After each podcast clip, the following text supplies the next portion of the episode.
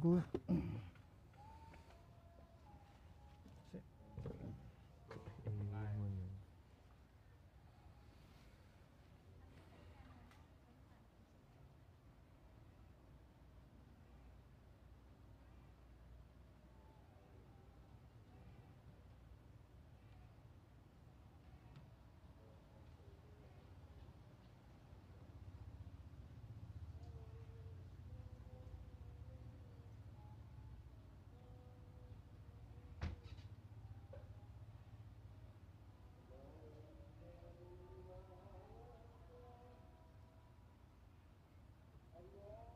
Ganti masjid yang lain ngomong.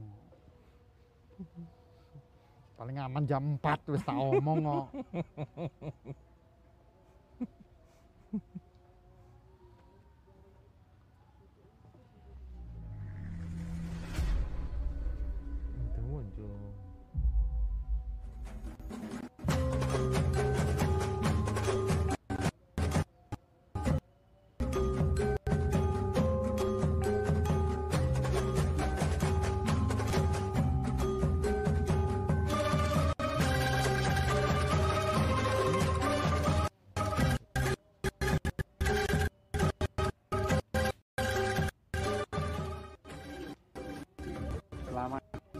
kepada Bapak Ibu para pengunjung yang berada di kaki Paden Sari yang mana pada puasa Paden Sari ini buka setiap hari Minggu mulai jam 6 sampai dengan jam 9 pagi.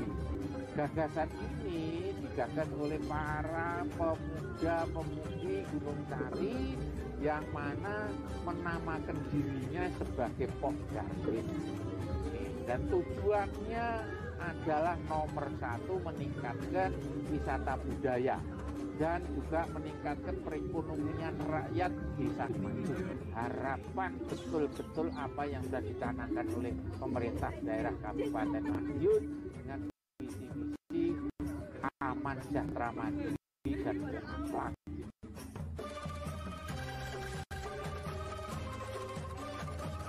Awalnya kami hanya tiga orang pedagang, jadi hanya tiga meja. Tetapi hari ini alhamdulillah eh, kami sudah mempunyai ada 11 pedagang yang setiap minggunya kami menjual makanan tradisional dari mulai jajan pasar, terus kemudian ada soto kletuk, ada gado-gado, ada nasi pecel, semua makanan tradisional yang boleh dikatakan khas dari desa. Untuk pembayaran kami menggunakan uang dari bambu pecahan 2000 warnanya putih eh, pecahan 5000 warnanya kuning dan 10000 itu warnanya hijau. Dan untuk pecahan yang paling besar warnanya merah untuk 20000 di pasar Kundensari juga kami sediakan aneka permainan tradisional seperti ada ingkling terus kemudian ada eh, pensil raksasa eh, untuk anak-anak kecil terus kemudian untuk dewasa kami juga sediakan eh, engklek ya. Salah satu kampanye dari pasar destinasi digital oleh Kementerian Pariwisata yaitu pasar destinasi digital eh, sebisa mungkin menggunakan bahan tradisional jadi mengurangi konsumsi tepung terigu yang merupakan produk dari luar negeri. Itu yang pertama. Terus kemudian yang kedua kami juga mengkampanyekan pengurangan plastik sekali pakai terutama kantong kresek ataupun eh, wadah plastik untuk pembungkus makanan. Untuk rencana pengembangan pasar Bundensari eh, hari ini kami terus menyampaikan sosialisasi ke masyarakat. Kami terbuka untuk warga masyarakat yang ingin berjualan di pasar Bundensari karena memang tujuan kami adalah memberikan dampak ekonomi melalui kegiatan sektor pariwisata yang ada di desa Bundensari.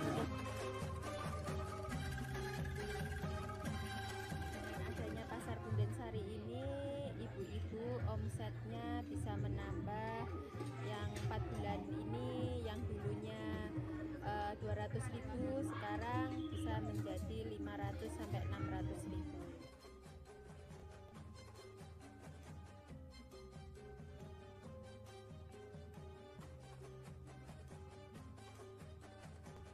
Saya mengetahui adanya pasar Bundensari ini dari status WA teman. Pada hari ini kebetulan saya ingin mencoba makanan khas yang diadakan di pasar Punden Sari ini. Walaupun kami baru pertama kali ke sini, namun eh, bagi kami sungguh ini suatu yang luar biasa.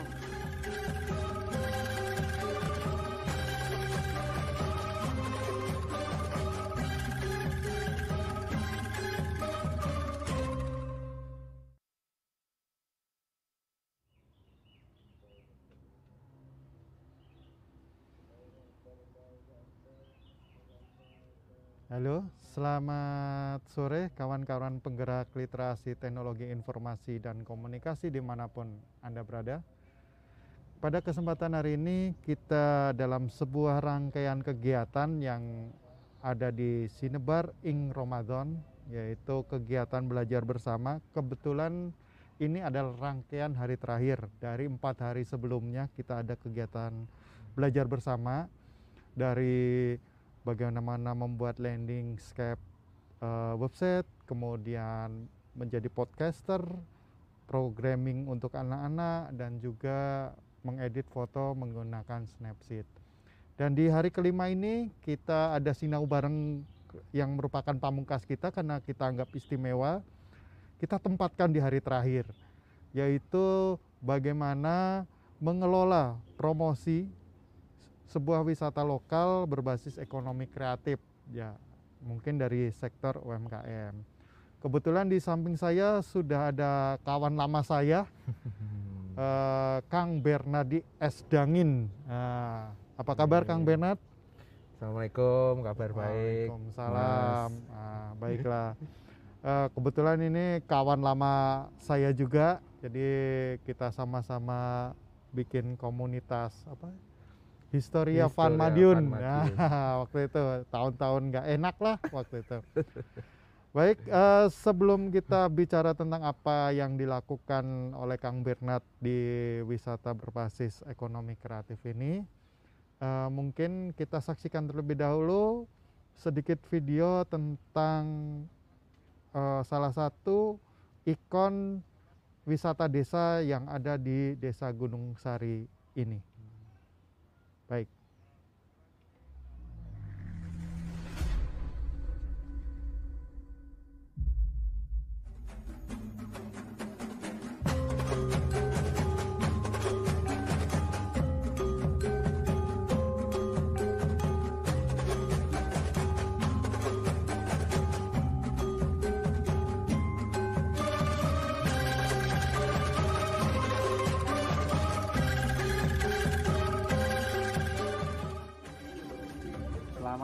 Kepada Bapak Ibu para pengunjung yang berada di desa kami, Desa Gunung Sari, tepatnya di Pasar Unden Sari.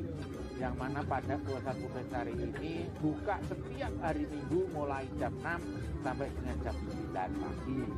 Gagasan ini digagas oleh para pemuda-pemudi Gunung Sari yang mana menamakan dirinya sebagai Pok Darwin dan tujuannya adalah nomor satu meningkatkan wisata budaya dan juga meningkatkan perekonomian rakyat desa kami. Sehingga eh, untuk mengurangi satu pengangguran dan meningkatkan hiburan-hiburan baik itu anak maupun masyarakat. Tujuannya adalah meningkatkan wi- wisata budaya sehingga desa kami bisa lebih maju dengan harapan daripada pemerintah khususnya pemerintah desa Gunung Sari. Adapun permodalannya awalnya ada gotong royong oh, juga support oleh pemerintah desa melalui dana desa yang ada. Ini lambat laun harapan saya jelas-jelas desa kami Pasar Kuden Sari ini bisa lebih maju. Harapan betul-betul apa yang sudah dicanangkan oleh pemerintah daerah Kabupaten Madiun dengan visi-misi aman, sejahtera, mandiri dan berakhlak.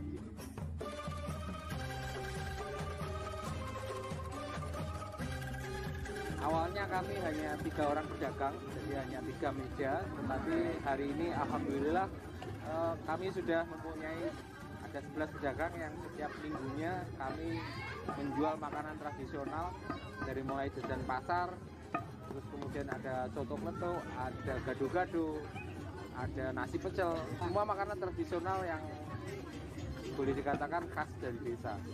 Untuk pembayaran kami menggunakan uang dari bambu pecahan 2000 warnanya putih, eh, pecahan 5000 warnanya kuning dan 10.000 itu warnanya hijau. Dan untuk pecahan yang paling besar warnanya merah untuk 20.000. Di pasar Kundensari juga kami sediakan aneka permainan tradisional seperti ada ingkling, terus kemudian ada eh, pensil raksasa eh, untuk anak-anak kecil, terus kemudian untuk dewasa kami juga sediakan eh, engklek. ya, gitu. Salah satu kampanye dari pasar destinasi digital oleh Kementerian Pariwisata yaitu pasar destinasi digital eh, sebisa mungkin menggunakan bahan tradisional jadi mengurangi konsumsi tepung terigu yang merupakan produk dari luar negeri. Itu yang pertama. Terus kemudian yang kedua kami juga mengkampanyekan pengurangan eh, plastik sekali pakai terutama kantong kresek ataupun eh, wadah plastik untuk pembungkus makanan. Untuk rencana pengembangan pasar Bundensari eh, hari ini kami terus menyampaikan sosialisasi ke masyarakat. Kami terbuka untuk warga masyarakat yang ingin berjualan di pasar Bundensari karena memang tujuan kami adalah memberikan dampak ekonomi melalui kegiatan sektor pariwisata yang ada di desa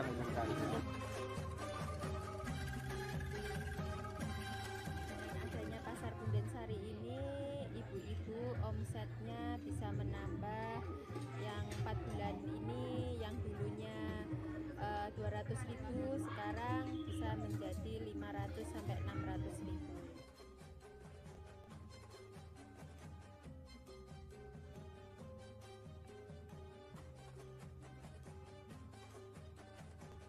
Saya mengetahui adanya pasar Bundensari ini dari status WA teman.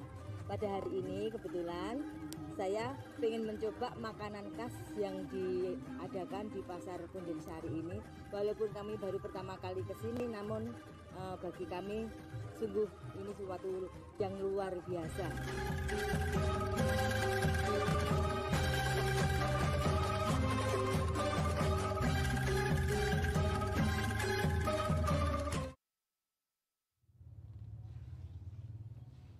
Ya, tadi adalah video tentang profil eh, salah satu ikon ya, Nah, ikon dari Desa Wisata Gunung Sari, yaitu Pasar Pundensari. Kebetulan kita memang sengaja ngambil view di sini, langsung on the spot di sini. Dan kita sudah bersama pengelolanya, yaitu Kang Benardi S. Dangin, jadi eh, dia adalah salah satu pegiat sejarah dan wisata yang ada di Madiun. Nah, baiklah, eh, mungkin supaya lebih tahu lebih banyak tentang apa itu desa wisata, apa itu eh, desa wisata Gunung Sari. Gunung Sari dan eh, apa konsep yang ada di Pasar Pundensari ini mungkin Kang Bernard bisa cerita latar belakang Nah, latar Iya. belakang mengapa dibentuknya eh, kelompok eh, sadar wisata ya Pokdarwis ini yang tentu saja sebagai pengelola dari eh, Pasar Pundensari dan mungkin nanti objek-objek lain yang ada di Desa Gunung Sari. Iya. Eh, pertanyaan mengapa itu sebetulnya juga menjawab sebuah permasalahan, Mas. Jadi eh, di Gunung Sari ini mata pencarian penduduknya kan macam-macam ya. Ada yang dari basic pertanian, ada yang di perdagangan, ada yang di pemerintahan, di swasta.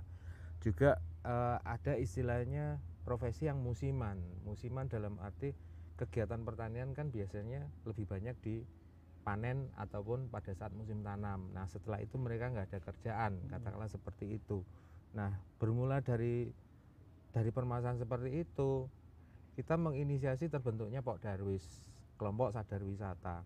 Hanya saja pertanyaannya, Desa Gunung Sari ini kita tidak punya potensi Ya. alam, kita nggak punya apa ya, lok, satu lokus satu lokasi khusus tertentu yang eh, katakanlah itu bisa menjadi magnet eh, tempat wisata. wisata betul Nah, jadi memang tahap awal Pak Darwis itu melakukan sosialisasi, terus kemudian pengenalan dulu apa itu apa itu pariwisata, apa itu konsep dari sebuah desa wisata.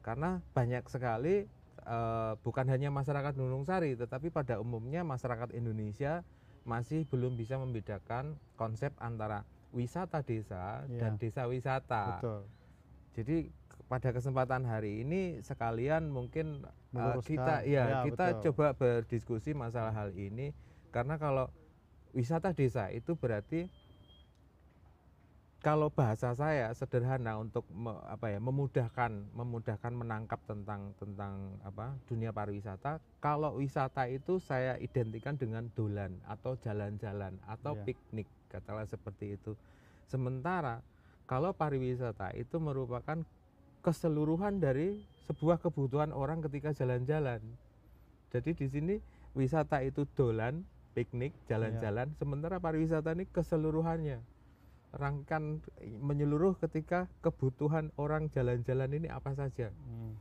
Nah, terus kemudian kalau digabungkan dengan tadi wisata desa itu berarti kita dolan atau kita melakukan piknik, melakukan jalan-jalan di sebuah desa yang mungkin di sana memang ada satu spot, satu titik tempat wisata khusus.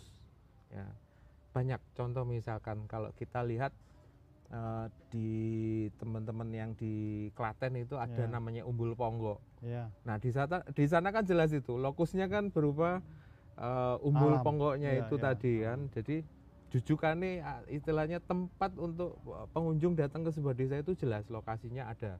Sementara di Gunung Sari kan tidak ada.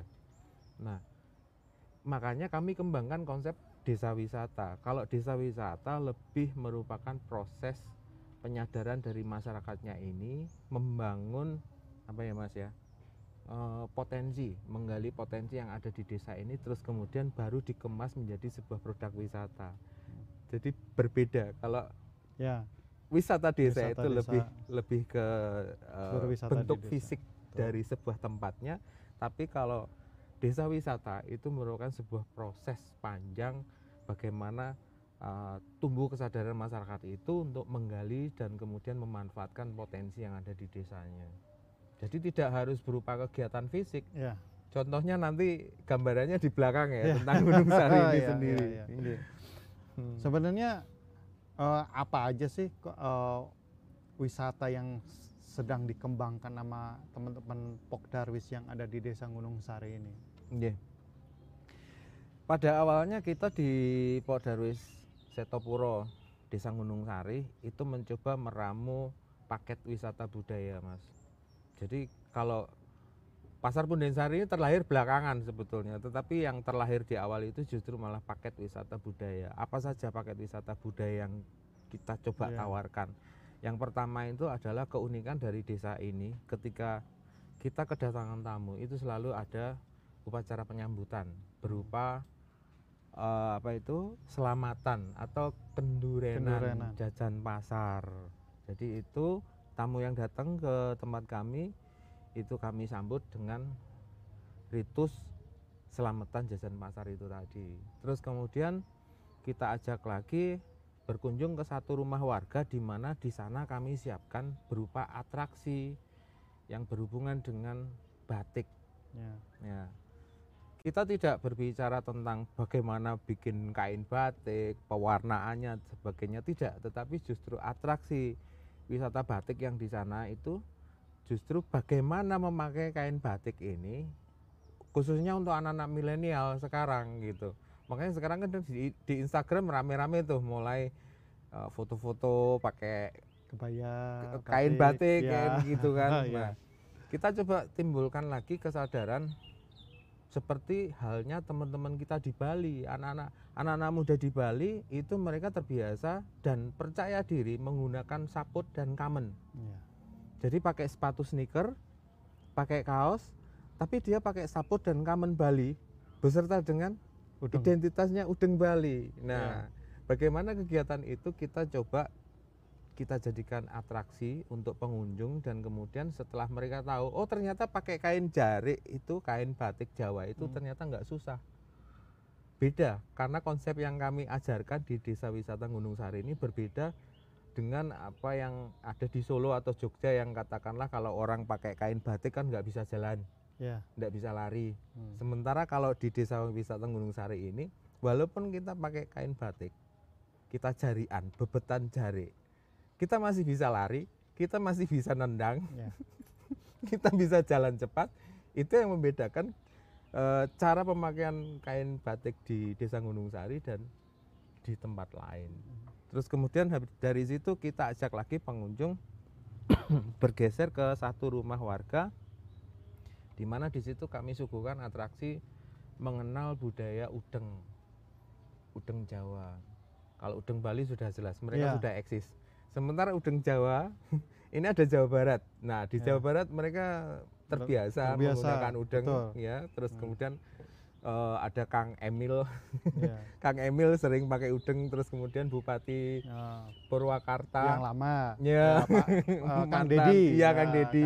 Sering pakai udeng juga di sisi sebelah timur di Banyuwangi itu juga sama Pak Anas ya bupatinya Banyuwangi itu menggelu apa ya me- me- apa ya, membiasakan. mengajak ya Betul. membiasakan masyarakat Banyuwangi untuk menggunakan udeng gaya Banyuwangi Hmm. sementara kita yang justru di tengah-tengah antara antara timur dan barat ini terjebak lebih suka kita pakai topi ya terus kemudian ya, tidak menggunakan tutup kepala mungkin Ya. atau menggunakan pe- peci Ya. ya monggo silakan tetapi sebagai kembali lagi kewajiban kita sebagai orang Jawa mempertahankan identitas kita sebagai orang Jawa dengan cara menggunakan ikat kepala berupa udeng tadi geser lagi mas nanti dari rumah eh, atraksi yang kedua kita geser lagi di rumah atraksi yang ketiga itu rumah aksara Jawa jadi nanti tamu kita ajarkan untuk menulis menulis di namanya sendiri Iya. namanya sendiri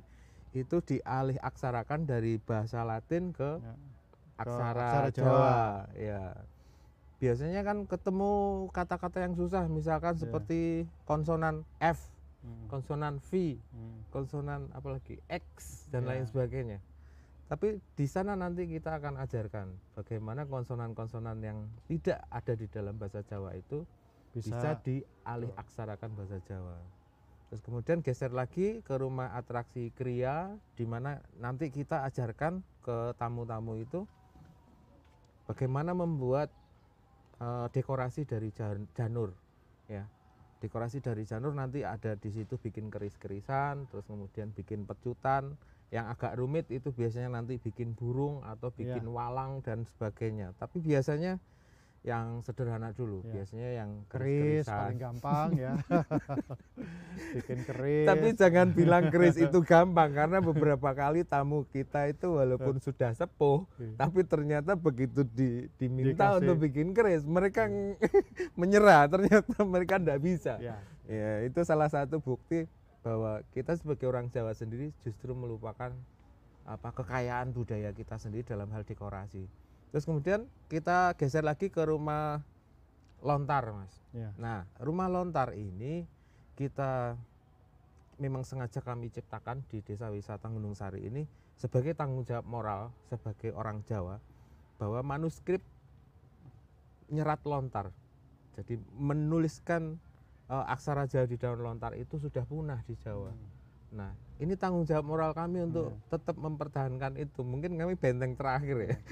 padahal eh, kita sudah terbiasa menggunakan gadget ya Betul. menggunakan gadget nulis di situ ah, gunakan laptop untuk Iya. nulis di situ ini Ah, kebetulan saya bawa menarik. contohnya Ah. jadi eh, ini aksara Jawa yang di apa diserat atau diukir di atas daun lontar ini biasanya kita buat eh, apa custom sesuai dengan permintaan dari dari klien atau dari orang yang berminat untuk cindera mata ini disesuaikan dengan weton Istilahnya kalau orang Jawa Ya. kan ada ada Senin ada hari lah, Kliwon, iya betul. betul. Senin Kliwon, Selasa Pon, Satu legi kan gitu. Kliwon. Nah, itu biasanya kan kalau orang Jawa punya punya karakter sendiri-sendiri. Nah, itu biasanya kita buatkan sesuai dengan karakter menurut kelahiran harinya atau juga biasanya berdasarkan wuku. Ya, wuku itu berarti setiap tujuh hari sekali itu berbeda wukunya dan karakter orang itu nanti juga akan berbeda sesuai dengan kapan dia lahir atau di wuku apa dia lahir. Ya. Terus kemudian nanti yang terakhir eh, pengunjung akan kita ajak ke museum. Ya. Ini yang menarik. Jadi di tempat kami ada Museum Purabaya. Hmm.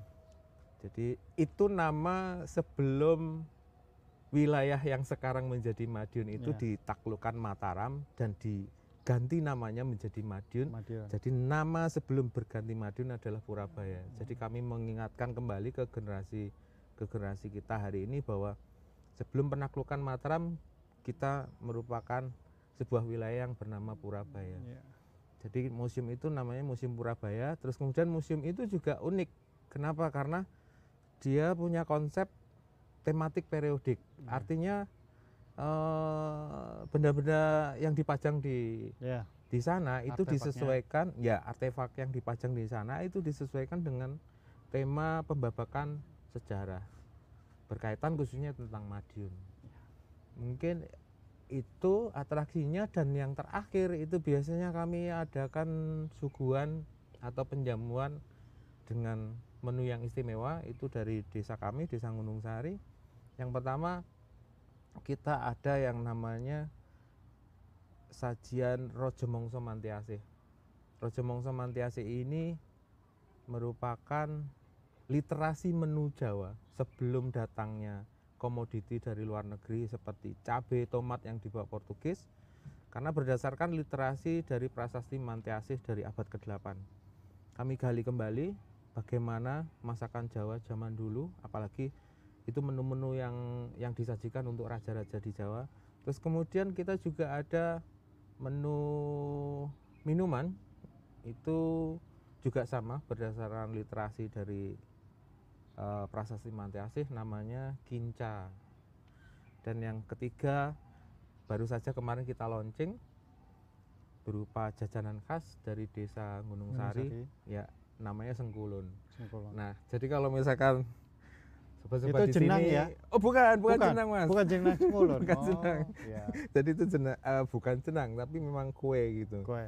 Sudah sangat jarang sekali ditemukan. Jadi kalau misalkan eh, teman-teman yang sekarang ada di sini ataupun Ya. yang sedang daring kalau pengen merasakan seperti itu, seperti apa makanan raja-raja Ya. di Jawa abad ke-8 ke-9 minumannya apa, jajanannya apa, ya saya sarankan untuk segera reservasi paket wisatanya.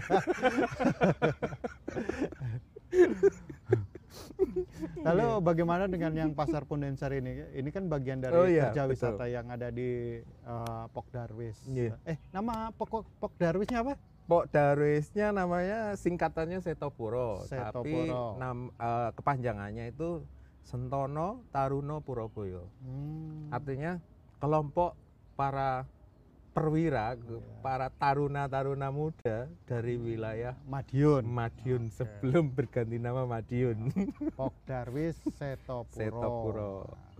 Jadi ya kawan-kawan sekalian itu tadi udah banyak dipaparkan ya terkait masalah dari latar belakang Hmm. apa saja yang di eh, sudah dilakukan dan apa saja paket wisata yang Iya. ada di desa wisata Gunung Sari ini.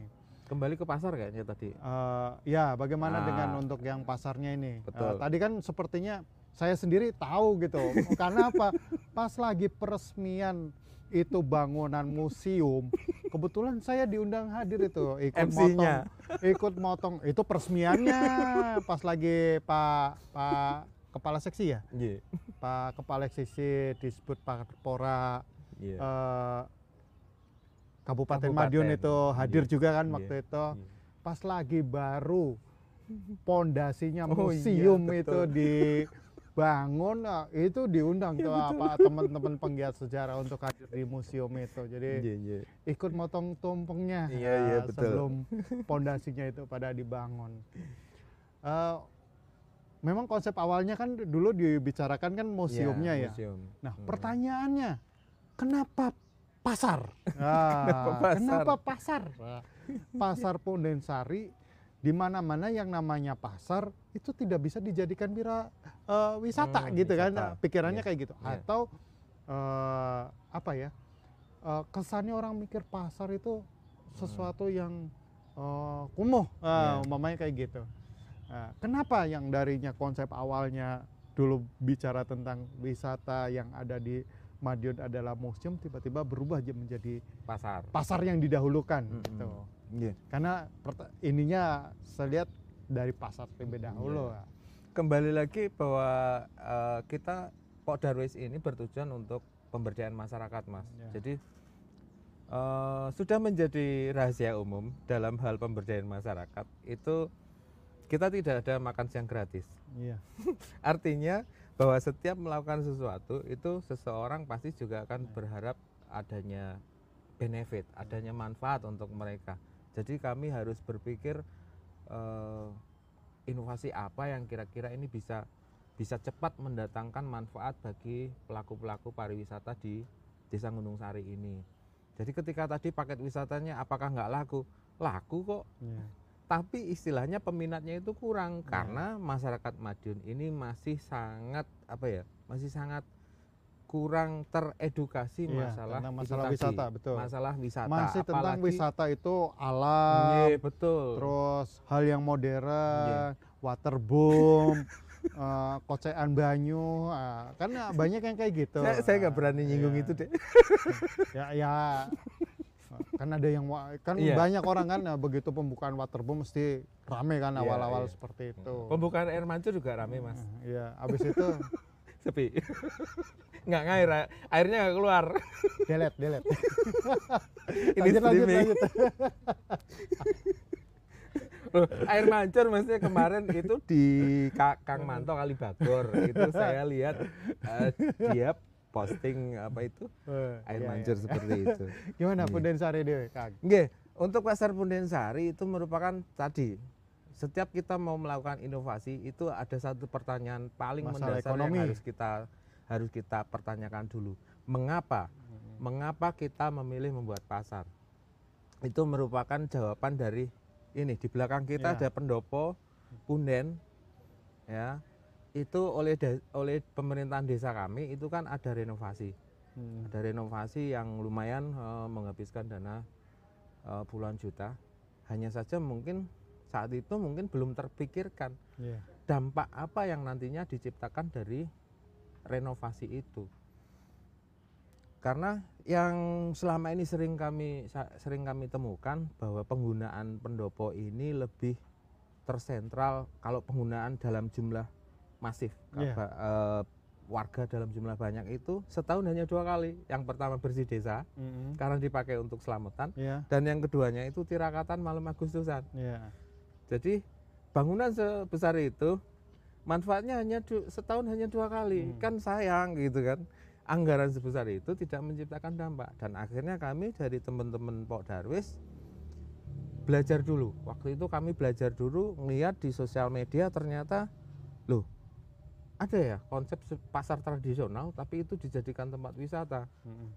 Tepatnya di daerah Jawa Tengah Iya, di sebuah kota bernama Temanggung iya. sangat terkenal dengan yang namanya pasar Kopi, papringan iya, papringan. ya di sana ada ada Pak Gunawan terkenal banget dan kami terinspirasi oleh itu cuma sayangnya kalau di sana kan di bawah rimbunan pohon Iya, bambu pohon bambu kami betul. tidak mungkin harus nanam bambu dulu Iya. jadi istilahnya kami hanya eh, patmo. Jadi istilahnya patmo. Kalau eh, apa itu?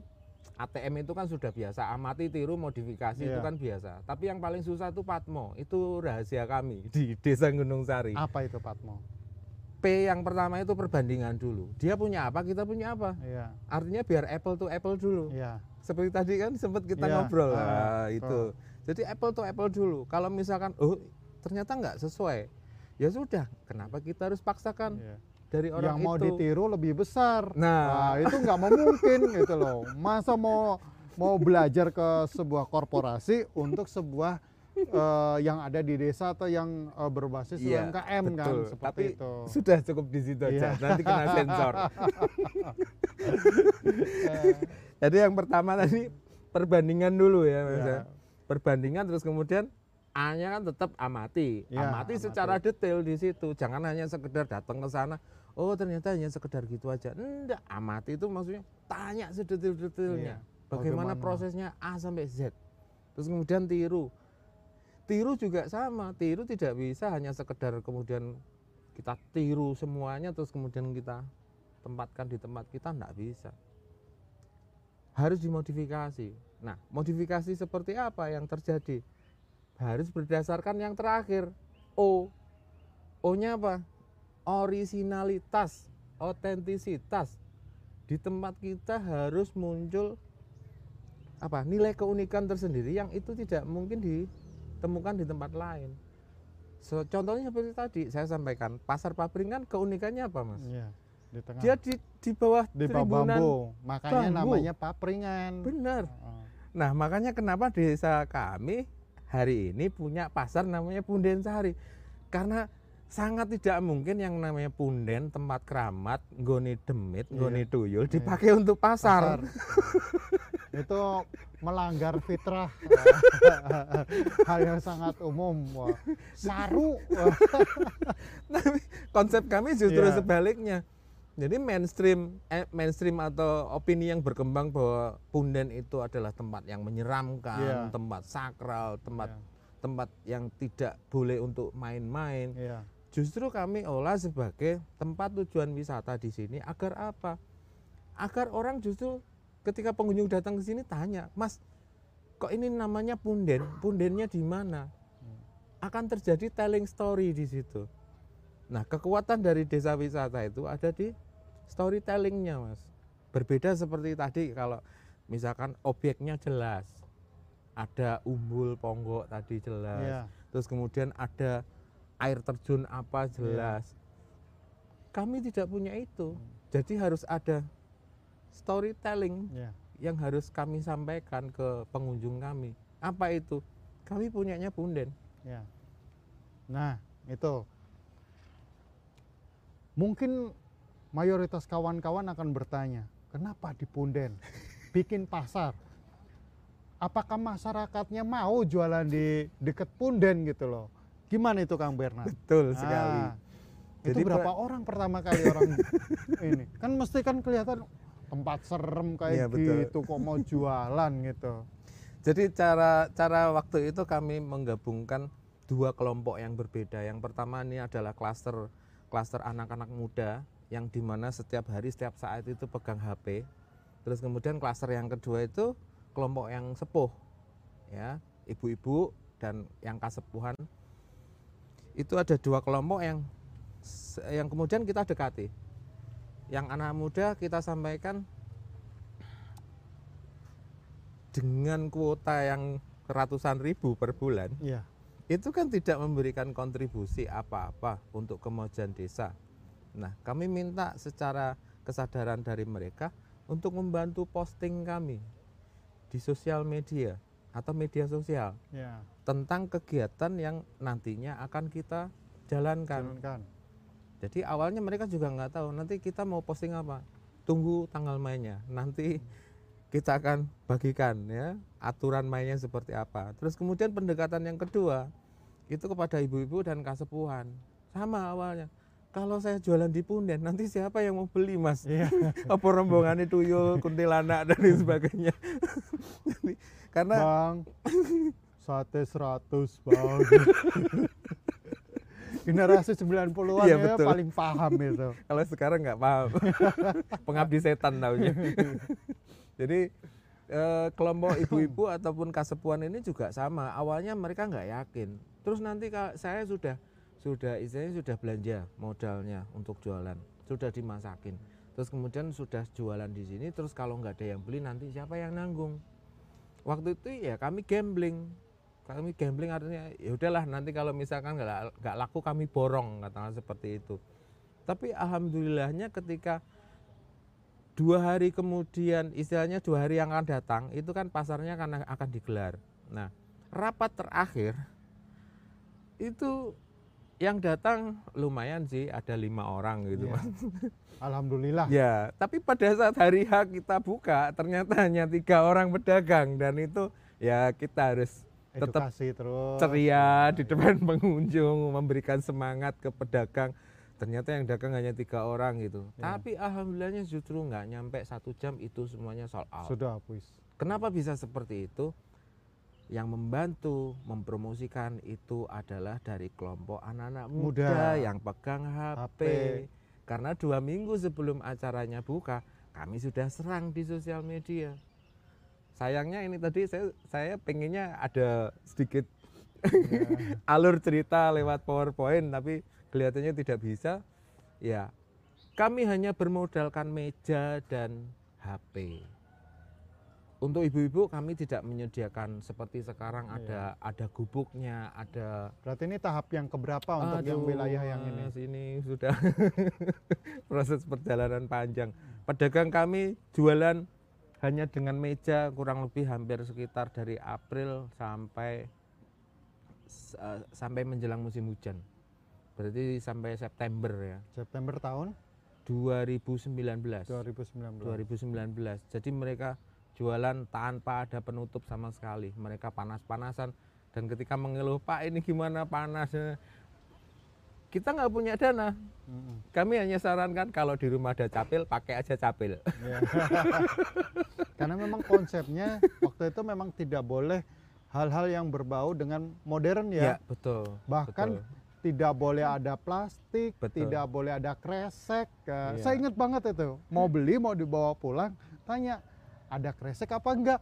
Enggak boleh Pak di sini ada kresek. Jadi bungkusnya aja pakai daun, Betul. semuanya Hmm. pakai daun gitu. Jadi memang itu. Oke. Lanjut. Terus kemudian eh, setelah melalui proses seperti itu ya, artinya pedagang kami di awal jualan pertama hanya tiga orang pedagang, tapi karena satu satu jam ternyata Habis. sold out, minggu berikutnya itu yang lainnya ngikut Iya. gitu kan, Pak minggu depan saya ikut jualan gitu, Iya. minggu kedua ternyata ada delapan orang pedagang. Tapi sesuai dengan aturan-aturan yang Betul. disepakati. Kita sepakat bahwa kita tidak boleh menggunakan eh, plastik sekali pakai. Karena yang namanya tas kresek, Iya. terus kemudian tas plastik yang untuk pembungkus pentol, pembungkus dawet, pembungkus apa itu benar-benar hanya sekali pakai, hanya hanya beli terus kemudian sampai rumah pindah tempat. Ini dibuang. Iya. Ini yang jadi masalah kita hari ini. Betul. Dan kita sudah melakukan langkah kecil seperti itu. Kalau misalkan teman-teman kurang percaya silakan Iya. dicoba hari Minggu Hari Minggu Datang ke pasar sini. ya. Nah, minta tas kresek iya. minta tas kresek Kalau karena saya sudah pernah gitu loh, saya udah pernah. Wah, anak saya nitip karena nggak ikut, tolong belikan ini ini ini sampai sini. Ini nggak ada kresek, nggak boleh pak. Suruh bawa kantong sini. Untung saya bawa tas, jadi saya masukin ke tas. Gitu. karena sudah menjadi kesepakatan bersama bahwa pedagang di areal pasar Pundensari apabila ketahuan kedapatan mendap apa ya memberikan Kresek. pembungkus iya, plastik, plastik. pembungkus makanan minuman juga tas kresek kepada pembeli itu mereka kena denda 100.000 ribu Padahal untungnya belum tentu. belum 100.000. tentu dapat 100.000 ribu mereka kena denda 100.000 ribu Nah, kan gitu Iya, iya. Terus kemudian kita juga temanya benar eh, kembali ke masa lalu. Makanya kenapa kami kami untuk perkerasan lahan di sini kemarin musim hujan kami tidak menggunakan pave block, kami gunakan batu bata merah. Jadi kesannya benar-benar agar ini seperti tahun-tahun 70-an, 80-an ketika plastik itu belum menyerang menyerang dunia dunia kita. Dan akhirnya menjadi masalah. Betul, akhirnya menjadi masalah.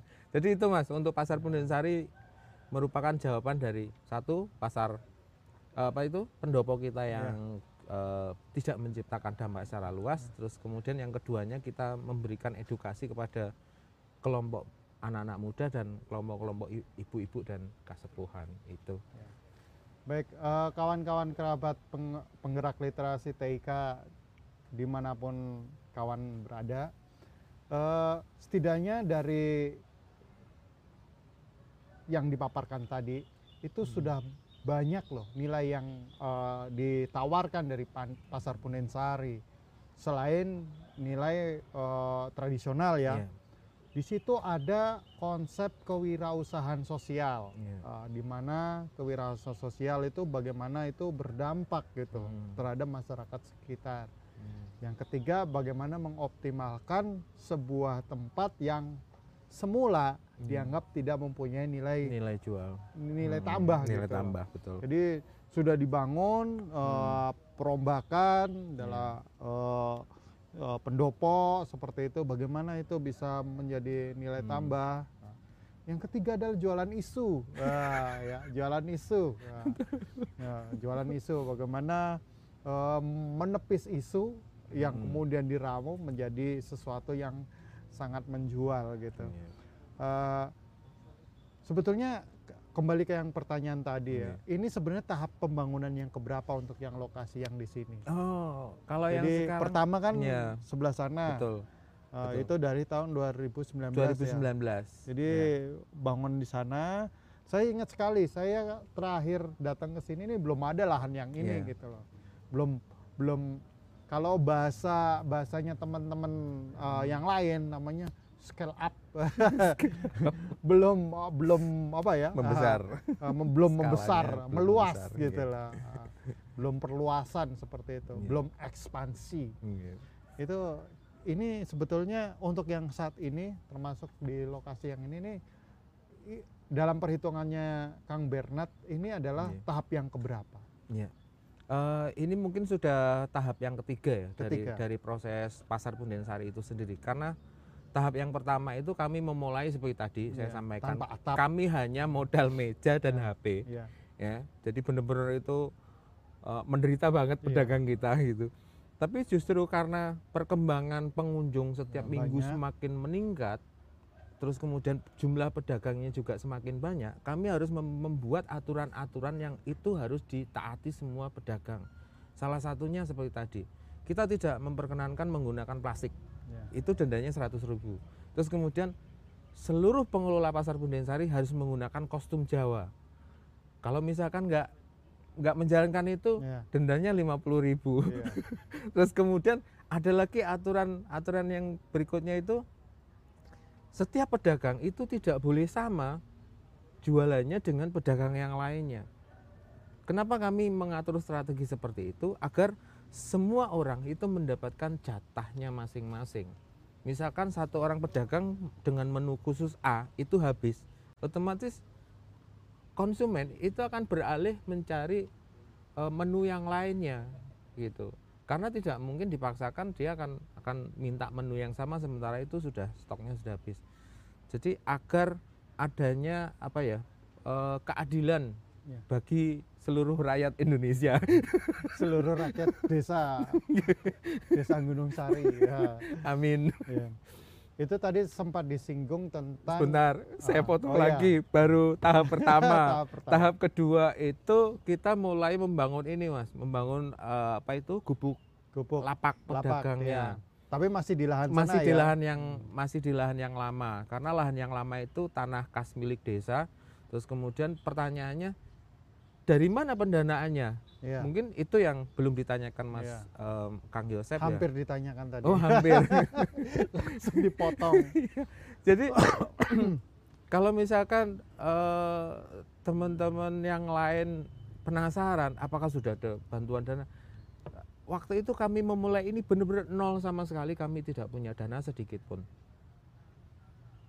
setiap terjadi transaksi setiap gelaran pasar selesai Iya. baru setelah itu kami berhitung berapa omset masing-masing pedagang dan dari sana kami sepakati besaran angka 5% dari omset itu dikumpulkan menjadi kas kelompok.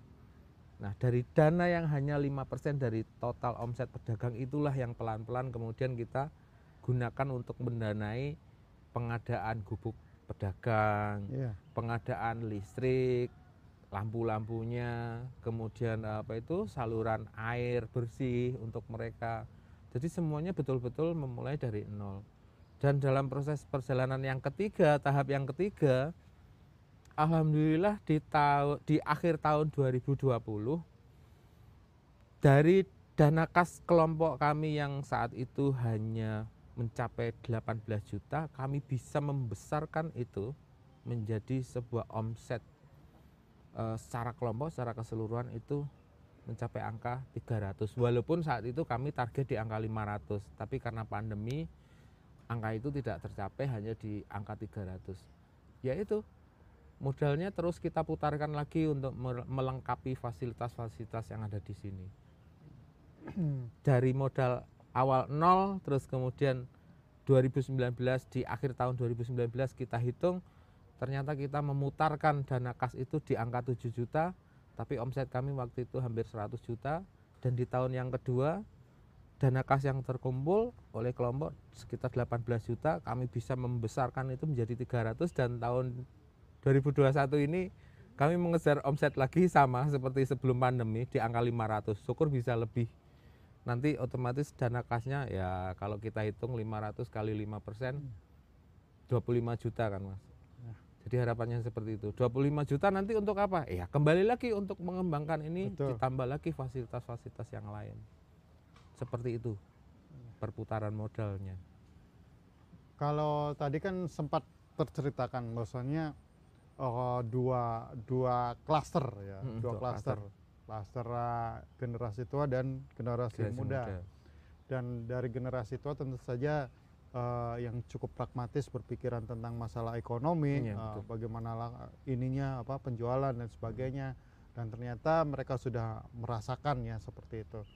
Eh, sekarang bagaimana untuk yang klaster eh, kelompok muda tadi yang Hmm. sempat ikut membantu me- eh, yang ikut terlibat Iya. dalam urusan promosi baik di media daring maupun luring ya maupun Iya. eh, online lewat medsos bahkan beberapa kali kita lihat eh, kalau mamanya kita cari di Google pasar Pundensari Iya.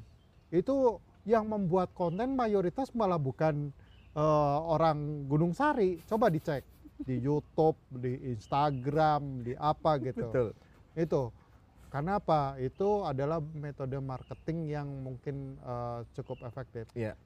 Marketing dari mulut ke mulut, ya, eh, ngoceh gitu.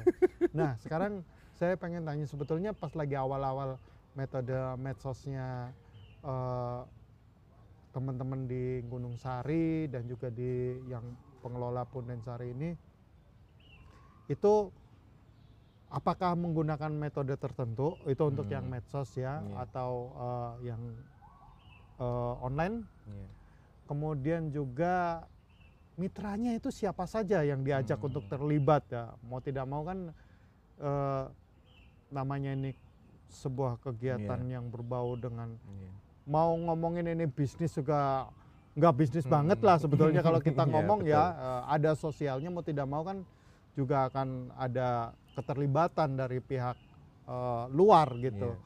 mitranya mana aja seperti Mm-mm. itu mungkin itu bisa di-sharekan ke kawan-kawan Hmm. baik yang ada di Madiun maupun di seluruh penjuru Nusantara Iya. eh, bagaimana sih teman-teman di Gunung Sari itu bisa banyak akhirnya berjejaring dengan banyak pihak Iya. sekarang mempromosikan Punden Sari pun nggak terlalu sulit ya kita pikir banyak sekali malah yang membuat konten tentang Punden Sari itu bukan Iya. orang Gunung Sari, Gunung gitu Iya. Jadi strategi awal yang kita gunakan sebenarnya sangat sederhana sekali, Mas. Saya tidak punya basic teknologi informasi dan komunikasi, tetapi saya hanya berpikir seperti ini. Ketika kita mencari mencari sesuatu di Google, itu selalu akan muncul sebuah sebuah tawaran. Hmm. Misalkan kita baru ngetik satu huruf saja, itu Iya. biasanya sudah muncul penawaran huruf pertama sama yang ber- seperti kita ketik. Iya. Nah, berarti ini kan ada satu mesin yang bekerja untuk mempengaruhi kita nantinya memilih sebuah pilihan-pilihan yang ada di di Google Search. Hanya bermula dari konsep sederhana seperti itu. Berarti caranya kita harus menguasai otaknya Google.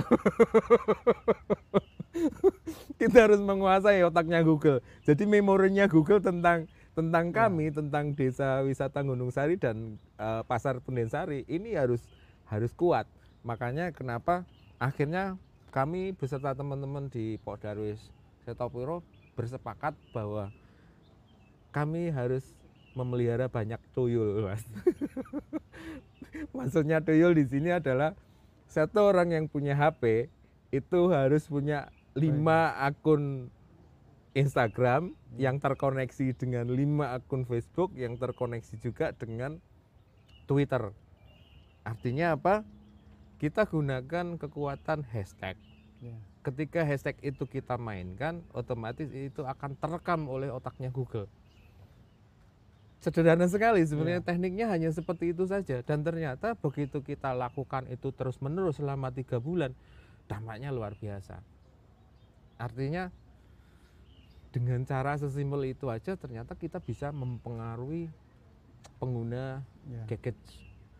Nah dari situ pelan-pelan terus kemudian satu hal lagi biasanya mohon maaf pengelola destinasi wisata itu kadang-kadang terlena dengan yang namanya kunjungan. Ya.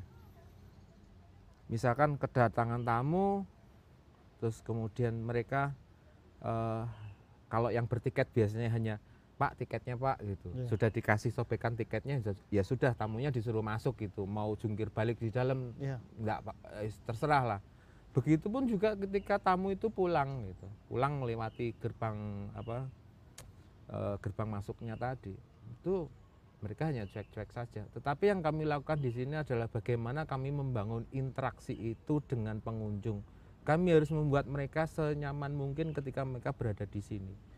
Ketika mereka memberikan kritik dan saran, kami juga akan terima itu dan selesai kegiatan kegiatan pasar itu kami evaluasi hari ini tadi ada masukan dari pengunjung seperti ini seperti ini seperti ini dan kemudian itu harus dieksekusi minggu depan apa yang menjadi saran dan kritik dari pengunjung itu harus sudah benar-benar sudah terwujud jadi ketika tamu itu datang lagi ke sini dia kan loh perasaan dulu saya mengkritik masalah ini tapi ternyata saya nggak nemukan lagi Iya. itu nah akhirnya apa dia merasa oh berarti saya di- Didengarkan. Iya Ya. didengarkan. Saya dilayani. Saya mendapatkan apresiasi dari pengelola tempat ini. Ya. Dan misalkan kita ketahuan nih ada rombongan keluarga, misalkan mau foto. Contoh sederhana ini yang sering dilupakan teman-teman pengelola wisata dan ini sebenarnya ilmu mahal. Iya. Tapi saya bagikan cuma-cuma di sini. Kesalahan mereka adalah ketika pengelola destinasi wisata melihat satu rombongan keluarga terdiri dari dua orang tua dan dua orang anak Iya. mau foto bareng Iya. itu biasanya cuma bisa selfie. Iya. Sementara penampang selfie kan nggak terlalu luas, tidak bisa menggambarkan backgroundnya secara Iya. utuh. Nah, ini yang selalu kami sampaikan ke teman-teman. Tugas Anda ketika melihat sat- satu ataupun dua orang ataupun sekian banyak orang ketika mereka foto, tawarkan untuk Pak Berfoto. bisa ya- saya ambilkan fotonya. Iya. Karena kalau misalkan satu keluarga ibunya yang ngambil foto, di fotonya itu Iya, nggak ada ibunya ibu nggak ya. ada. Kayak kaleng kongguan. Betul. Nggak ada bapaknya. Bapaknya yang nggak ada. Karena yang gambar bapaknya. jadi jadi seperti itu yang upaya yang kami lakukan dan dari upaya itu apa ya eh, pengunjung itu terasa betul-betul punya kedekatan dengan kami dan akhirnya kadang-kadang mereka kita titipin pesen Pak Bu nanti kalau misalkan fotonya diupload di sosial media nitip hashtag nggih Iya. kita nitip hashtag pasar Bundensari artinya apa yang bekerja menuliskan hashtag pasar Bundensari bukan tim kami lagi Iya. Tetapi itu dari konsumen atau dari Ya. pengunjung yang datang ke sini dan dampaknya ya seperti tadi Mas Ya. Yosef sampaikan bukan hanya kami lagi yang sekarang membantu mempromosikan pasar Bundensari tapi termasuk juga klien-klien kami atau pengunjung-pengunjung pasar Bundensari Karena itu mereka sendiri. merasa senang gitu ya, Betul. merasa menjadi senang, bagian hanya- dari iya. ini sebuah rumah Se- besar untuk siapa saja yang memang Betul. eh, apa ya bernostalgia dengan dengan makanan masa lalu, suasana masa lalu, monggo silakan. Lalu untuk yang mitra-mitra yang ada di sini, Oh ya, kalau untuk mitra ini juga sama. Dulunya saya sering eh, mengirimkan undangan mas sebetulnya. Jadi mohon maaf ya, saya mohon maaf. Ya. ini bulan puasa lebih baik jujur. ya, Jadi kegiatan pasar kami itu biasanya diawali dengan kegiatan senam pagi. oh gitu. senam pagi ibu-ibu seperti itu. Dan dulu sering kami mengirimkan surat undangan misalkan ke kecamatan. Madiun karena Iya. kami ada di kecamatan Madiun. Kami kirim surat undangan ke Pak Camat. Mengundang seluruh staf Kecamatan Madiun beserta keluarga Untuk bersenam. untuk senam pagi di Pasar Bundesari.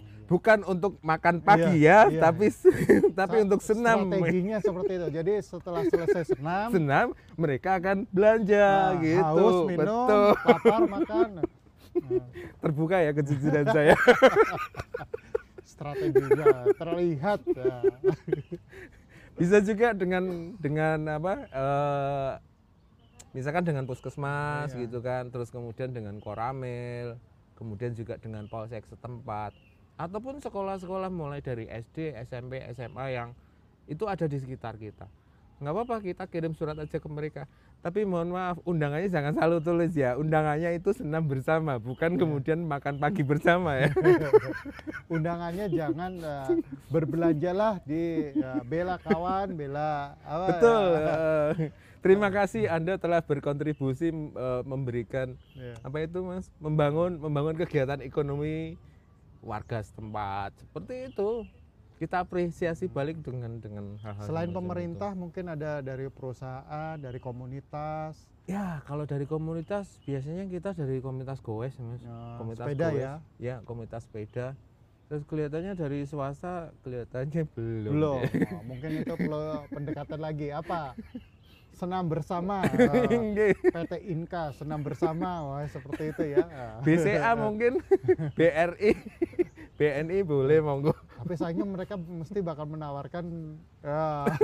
sementara di sini seperti tadi di tra- trailer eh, apa video tadi ya, tampilan Iya. video tadi kan sistem pembayarannya itu Ya, unik gitu betul. loh. Eh, itu bagaimana kalau mamanya ternyata kemudian dari eh, perbankan atau apa mau masuk Hmm. sekarang kan sudah sudah cukup apa ya cukup familiar dengan eh, barcode ya kris itu E-wallet. loh uh, Hmm. uh, kris seperti itu Makanya Iya. mau bayar pakai eh, dana pakai Mhm. kri pakai kris Iya. terus pakai eh, gojek gopay gopay GoPay. kemudian pakai Iya. ovo seperti itu itu bagaimana sistemnya memungkinkan atau tidak Nah, maksudnya ya mungkin eh, sudah terkonsepkan juga lah eh, oleh Kang Bernard gitu. Iya. bagaimana itu Kalau untuk di Pasar Punden Sari kembali lagi dengan sangat terpaksa dan mohon maaf sebesar-besarnya kami tidak bisa menerima menerima uang keluaran BI untuk bertransaksi di Pasar Punden Sari karena kami hanya menerima duit pring atau uang bambu yang memang itu dikeluarkan oleh bank lokal setempat yaitu Bank Pasar Punden Sari. Atau mungkin eh, perlu modifikasi ya Nah, Kalau Mungkin- misalkan tadi uang-uang elektronik itu mungkin bisa digunakan untuk Di- yang paket pembayaran paket ya, wisata, wisata ya. budayanya, misalkan bayar homestay dan lain sebagainya. atau Tapi mungkin khusus- di itu di Eh, pas pintu gimana? masuk pintu masuk penukaran itu itu juga bisa Nah, mungkin penukaran ya Iya, bisa. jadi mamanya bisa juga oh nanti saya ke depan. karena ada orang kan udah biasa pakai oh saya, iya saya betul. pernah loh ketinggalan nggak bawa duit sama sekali ya Betul betul saya sekali. bingung mau bayarnya pakai apa Ya. ya itu karena saya tanya di sini bisa bayar pakai kris nggak oh bisa ya, mama kayak Hmm. gitu ya sudah karena nggak bawa duit tunai gitu loh Ya. mungkin eh, suatu saat terpikirkan oleh eh, Kang Bernard dan tim Iya. Pok Darwis ya Sudah sebenarnya Nah, karena sudah. Hmm. target kita tahun ini tahun 2001 ini kami harus sudah digitalisasi eh, apa itu produk-produk produk-produknya wisata di Desa Gunung Sari. Mungkin kami jadi leading untuk hal ini di wilayah Kabupaten Madiun. Ya. Mohon maaf. gitu ya kalau komunitas juga sudah Iya, banyak komunitas ya sudah banyak Hmm. nih, Mas.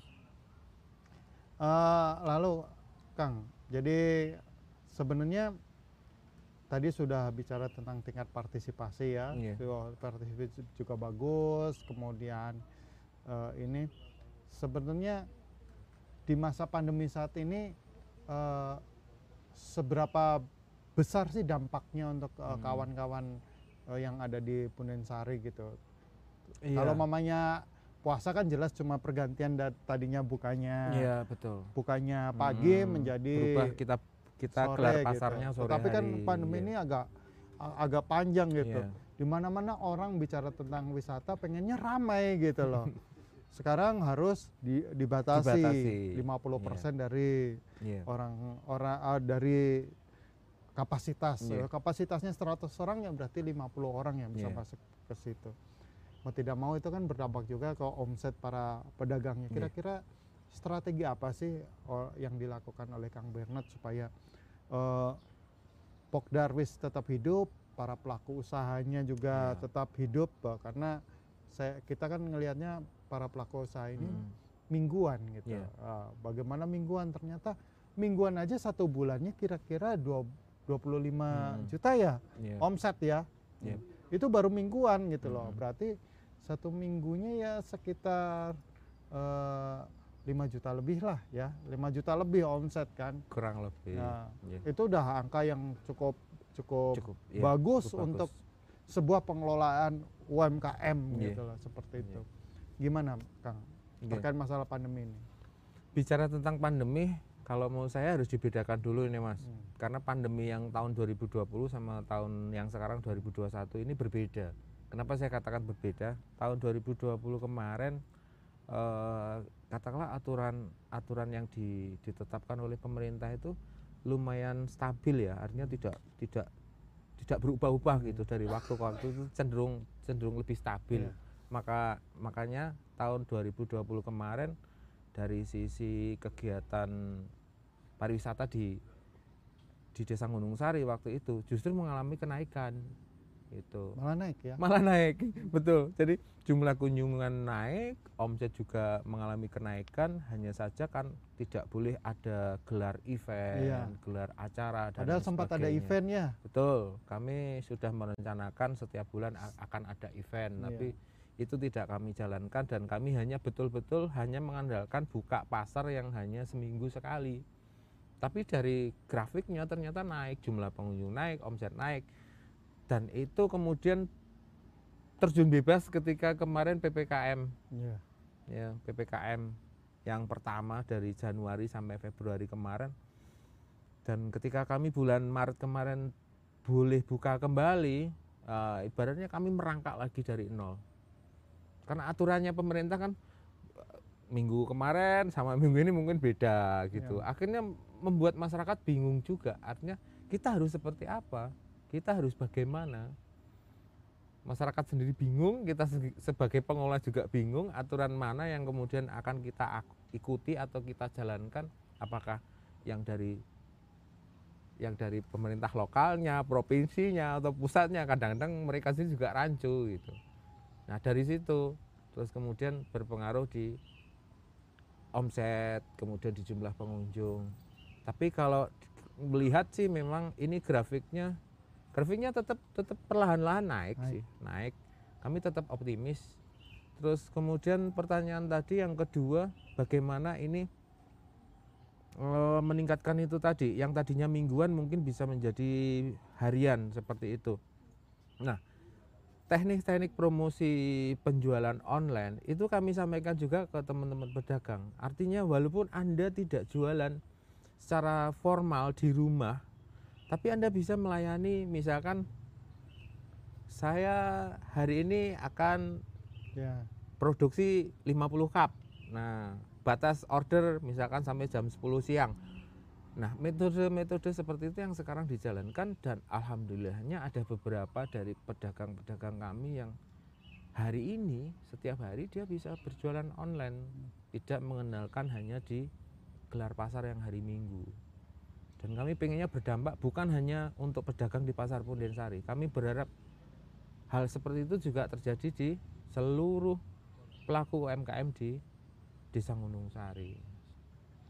Makanya kemarin saya sudah sempat sampaikan kalau program sister si eh, bu- bukan sister city ya, smart city mungkin sudah banyak, tapi kalau mungkin desa wisata yang smart Smart Village. smart village Ya. kayaknya masih masih masih terbatas Ya. jumlahnya dan kita mencoba mengarah ke sana. Iya. Baik, eh, kawan-kawan sekalian, eh, tadi sebenarnya Kang Bernard sudah banyak cerita ya tentang eh, apa aja yang ada di di Pasar Pundensari, kemudian eh, museum, juga eh, beberapa paket wisata yang sebetulnya sudah ditawarkan. Bahkan beberapa kali saya mamanya pas lagi datang ke sini pun beberapa wisata ke- asing pun wisatawan asing pun datang gitu. Eh, karena apa? Karena kadang-kadang kalau ada wisatawan asing datang ke Madiun, itu biasanya yang dihubungi itu Kang Bernard gitu. Pernah pas lagi ada kegiatan di kota waktu itu, Iya. oh, tiba-tiba Kang Bernard bawa turis dua orang. oh. Saya sampai bilang ke Kang Bernard, ini turis ngerti nggak tampilan waktu itu kan Iya. tampilan ludruk ya, Iya. yang lagi disampingkan di ditampilkan eh, di di di Madiun waktu Hmm. itu. Nah, ternyata di sepanjang cerita itu Kang Bernard itu ikut mandu ya. Translator. Translator. ah, ah, menceritakan itu. Iya. Untuk untuk yang Pundensari tadi Iya. kan sempat tadi eh, diperkuat tentang sebuah cerita gitu Iya. budaya tutur ya Iya. Ah, ya cerita bagaimana eh, dalam pasar Pundensari itu ingin diperkuat tentang ceritanya itu menjual cerita gitu loh Nah, sebetulnya kalau mamanya ke wisatawan domestik kan sudah banyak yang Iya, terceritakan. iya. Bagaimana untuk yang wisatawan asing datang Asing. ke Gunung Sari dan eh, ke Pasar Pundensari ini? Iya. Eh, bagaimana Kang Bernard itu bercerita dan menitipkan cerita untuk Iya. promosi kawan-kawannya itu supaya Hmm. kawan-kawannya yang dari negara luar itu juga mampir ke Main Madiun ke sini gitu. lagi. Karena mau tidak mau Hmm. akan berdampak. Iya. Mereka datang ke Gunung Sari mau tidak mau juga akan nggak mau kan cuma di Madiun Madiun hanya di Iya. Gunung Sari aja mau tidak mau dia juga akan main ke beberapa Tempat-tempat tempat yang pilihan yang lain lain. yang Iya. saya tahu Kang Bernard ini yang akan mandu gitu. Iya. Gimana? Iya, eh, khusus untuk wisatawan asing itu biasanya eh, saya tawarkan berupa brand backdoor tourism. Artinya apa? Kalau front door tourism itu kan sebuah paket wisata bagi orang-orang asing yang jelas, alurnya jelas. Mereka lewat biro travel itu nanti diarahkan pakai pesawat terbangnya ini, terus kemudian nanti dijemput dengan travel ini, menginap di hotel ini, Hmm. dan jadwal kegiatannya mereka itu ter- terstruktur dengan sangat rapi sekali.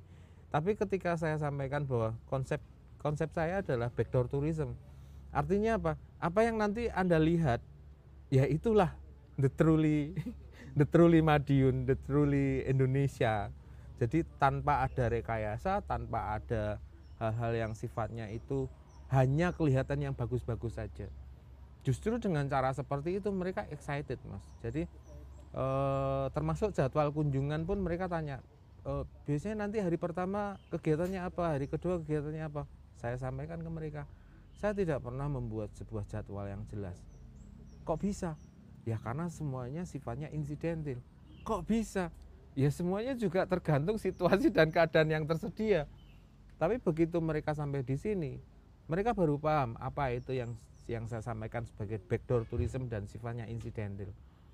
Karena kan kita tidak mungkin, Mas, tahu jadwalnya kapan tetangga kita mungkin ada yang kendurenan itu kan nggak tahu kapan Iya. mungkin tetangga desa kita ada yang nanggap nanggap reok Iya, atau nanggap dongkrek kita nggak tahu. Artinya ya saya berikan kejutan kepada mereka. Kejutannya apa? Tahu-tahu misalkan selesai makan pagi saya bilang ayo kita ke sana gitu. Ngapain? Ya pokoknya Ada apa gitu? kita datang Ya. aja ke sana karena nanti kamu akan dapat sesuatu yang spesial gitu. Dan ternyata begitu saya ajak ke lokasi dia kaget oh ternyata ada pementasan reok gitu Iya. seperti itu. Dan dia mulai ter ter amazing gitu ter apa ya Itu ya kaget lah itu seperti fungsinya jaringan ya jadi informasi oh, di sana ada apa ada apa ada betul apa, gitu. sekali mas jadi hal-hal yang sifatnya justru insidental seperti itu itu seperti hadiah gitu loh kejutan-kejutan untuk mereka dan selalu penasaran besok ke mana ya saya juga nggak tahu Ya. berbeda halnya ketika itu menggunakan jasa biro travel Hmm. atau yang tadi saya sebutkan sebagai front door Frondor. front door tourism itu tadi. Mereka tahu kan jadwalnya oh jam segini nanti ini jam segini nanti ini besok jadwalnya gini. Kalau di sini enggak. Tahu-tahu dapat informasi dari teman misalkan RT lain lah di desa ini ada yang kendurianan gitu. Kenduri mungkin buat kita sederhana tapi buat mereka. Itu sesuatu yang menarik. Wong dia aja nggak bisa duduk sila bersila artinya lututnya ditekuk Ya. jadi ketika diajak kendurianan ya yang lainnya bersila dia kakinya nyelonjor sendiri kan jadi aneh gitu jadi pulang mereka bawa bawa Berkat, makanan iya. bawa berkat itu kan sesuatu yang wow ternyata seperti ini kehidupan di kehidupan di di, di- Madiun di kehidupan desa di, di, iya, di desa Gunung Jawa Sari, ya, betul di desa Jawa. dari situ mereka kemudian cerita ke teman-temannya yang lain bahkan ada satu wisatawan yang waktu itu dia punya komunitas traveler yang selalu mencari tempat-tempat yang justru Ya, menarik. I'm the first one bule yang Iya. pernah datang ke tempat itu. Jadi mereka selalu pamer di komunitasnya itu. Ini sebuah tempat yang belum pernah didatengin bule dan saya bule pertama kali yang datang ke sini loh. gitu. Jadi mereka selalu Iya, mencari iya. spot-spot seperti itu dan ayo datang ke sini itu tantangannya kan seperti itu. Ya. Iya. Baik eh, kawan-kawan sekalian, sepertinya kita sudah ada di penghujung Iya. acara ya, Siap. karena memang sudah sekitar satu jam lebih kita ngobrol bareng seperti ini, eh, sinau bareng eh, Hmm. bagaimana mengelola promosi di wisata lokal berbasis ekonomi kreatif ya. Jadi eh, banyak orang kan eh, bicara tentang ekonomi kreatif, eh, ya. Akhirnya saya juga harus eh, saya dibicarakan di grup WA saya bilang eh, karena kebanyakan ekonomi yang dipikirkan masih tentang ekonomi klasik ya. Hmm, bagaimana pembangunan ekonomi masih menggantungkan terhadap sumber daya alam hmm, tetapi kalau ekonomi kreatif lebih ke sumber daya manusia iya. dan ternyata sektornya salah satu sektor yang dibangun di Pundensari ini adalah sektor UMKM sektor kebudayaan Iya. seni ya seni budaya dan itu ternyata sebagai bukti bahwasannya ini bukti nyata bahwasannya ternyata dari sisi ekonomi kreatif mampu menghidupkan banyak tipe-tipe Hmm, eh, peluang Iya. peluang termasuk tadi peluang bagaimana ke sebuah kewirausahaan us- sosial bisa berjalan Iya. di eh, desa Gunung Sari dibalut sebagai desa wisata, Wisata, iya. karena kita sudah di penghujung acara mungkin ada eh, pernyataan akhir yang akan disampaikan oleh Kang Bernard ke kawan-kawan di Madiun dan seluruh Indonesia hmm. silakan Eh, saya pengen menyampaikan kembali bahwa kegiatan membangun sebuah desa wisata itu harus bertumbuh pada konsep yang jelas, tema yang jelas, dan berfokus pada upaya konservasi. Apakah itu konservasi yang sifatnya eh, tangible ataupun intangible? Artinya apa? Sesuatu yang bisa terwujud dan sesuatu yang tidak terwujud, tidak berwujud ya. Intangible dan intangible itu yang menurut saya paling penting. Apalagi budaya kita hari ini sudah sudah sangat-sangat apa diambang ditinggalkan oleh generasi kita ya justru itu yang harus kita konservasi tapi harus juga menciptakan dampak kepada masyarakat itu sendiri mungkin itu Kang Yosep Baik, eh, terima kasih kepada Kang Iya. Bernard untuk sharingnya, Iya. untuk kita membuat kesempatan kita untuk belajar bareng tentang Iya. apa itu mengelola eh, sebuah eh, ekonomi kewirausahaan Iya. sosial, apa itu desa wisata, apa itu ekonomi kreatif, ternyata terbalut jadi satu ada di sini. Oke. Eh, saya sebelum saya tutup kegiatan ini, saya mengucapkan terima kasih kepada kawan-kawan sekalian yang pada kesempatan sebelumnya sudah mendukung kami. Akhirnya kami lolos sebagai lima besar kembali di Oh, kompetisi WSIS Prize 2021. Jadi kita muncul lagi sebagai champion gitu. Ini sedang kita pertarungkan lagi. Kita harapannya sebagai uh, uh, pemenang, winernya ya, winernya winernya. itu, uh, winernya Hmm, supaya bisa bawa trofi dari PBB ke Madiun. Madiun. Nah, jadi kita terima kasih atas dukungan kawan-kawan sekalian. Eh, saya akhiri eh, sambil nanti menunggu azan maghrib Iya. untuk yang ada di onset bisa ngobrol langsung dengan Kang Bernard eh, membedah langsung bagaimana saya ra- rasa nggak ada yang akan disembunyikan Hmm. karena mau tidak mau seperti itu tadi Kang Bernard sudah cerita Iya. belajarnya juga dari Temanggung Tempat iya, betul. dan nanti ketika ini akan jadi diskusi-diskusi teman-teman yang ada di onsite apa di tempat ini juga akan bilang oh saya belajar dari Punden Sari ya. mungkin demikian kerabat penggerak literasi TIK di mana pun anda berada Iya. saya ucapkan terima kasih sampai jumpa lagi di kesempatan berikutnya salam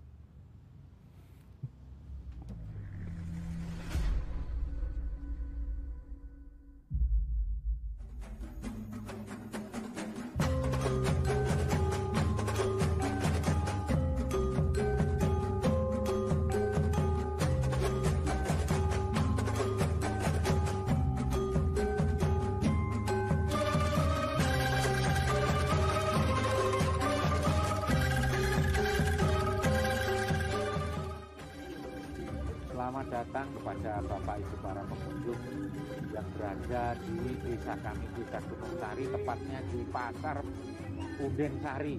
Yang mana pada puasa Punden Sari ini buka setiap hari Minggu mulai jam 6 sampai dengan jam 9 pagi.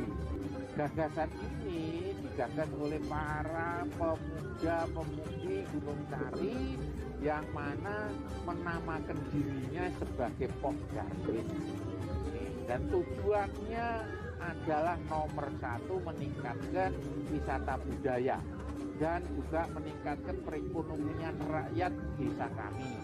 Sehingga eh, untuk mengurangi satu pengangguran dan meningkatkan hiburan-hiburan baik itu anak maupun masyarakat. Tujuannya adalah meningkatkan wi- wisata budaya sehingga desa kami bisa lebih maju dengan harapan daripada pemerintah khususnya pemerintah desa Gunung Sari.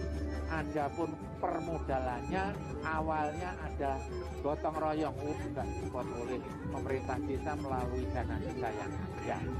Ini lambat laun harapan saya jelas-jelas desa kami Pasar Kuden Sari ini bisa lebih maju. Harapan betul-betul apa yang sudah dicanangkan oleh pemerintah daerah Kabupaten Madiun dengan visi-misi aman, sejahtera, mandiri dan berakhlak.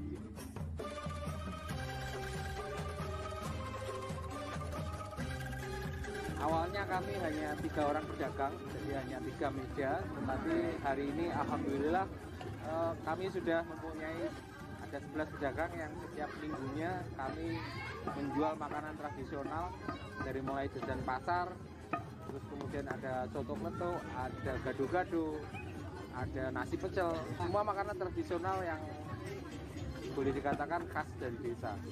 Untuk pembayaran kami menggunakan uang dari bambu pecahan 2000 warnanya putih eh, pecahan 5000 warnanya kuning dan 10000 itu warnanya hijau. Dan untuk pecahan yang paling besar warnanya merah untuk 20000 di pasar Kundensari juga kami sediakan aneka permainan tradisional seperti ada ingkling terus kemudian ada eh, pensil raksasa eh, untuk anak-anak kecil terus kemudian untuk dewasa kami juga sediakan eh, engklek ya. Salah satu kampanye dari pasar destinasi digital oleh Kementerian Pariwisata yaitu pasar destinasi digital eh, sebisa mungkin menggunakan bahan tradisional jadi mengurangi konsumsi tepung terigu yang merupakan produk dari luar negeri. Itu yang pertama. Terus kemudian yang kedua kami juga mengkampanyekan pengurangan eh, plastik sekali pakai terutama kantong kresek ataupun eh, wadah plastik untuk pembungkus makanan. Untuk rencana pengembangan pasar Pundensari eh, hari ini kami terus menyampaikan sosialisasi ke masyarakat. Kami terbuka untuk warga masyarakat yang ingin berjualan di pasar Pundensari karena memang tujuan kami adalah memberikan dampak ekonomi melalui kegiatan sektor pariwisata yang ada di desa Pundensari. Dengan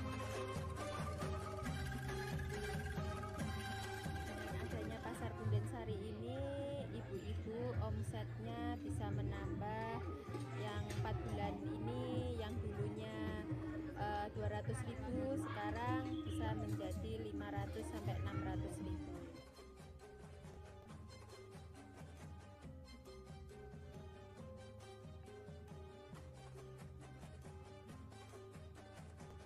Saya mengetahui adanya pasar Bundensari ini dari status WA teman.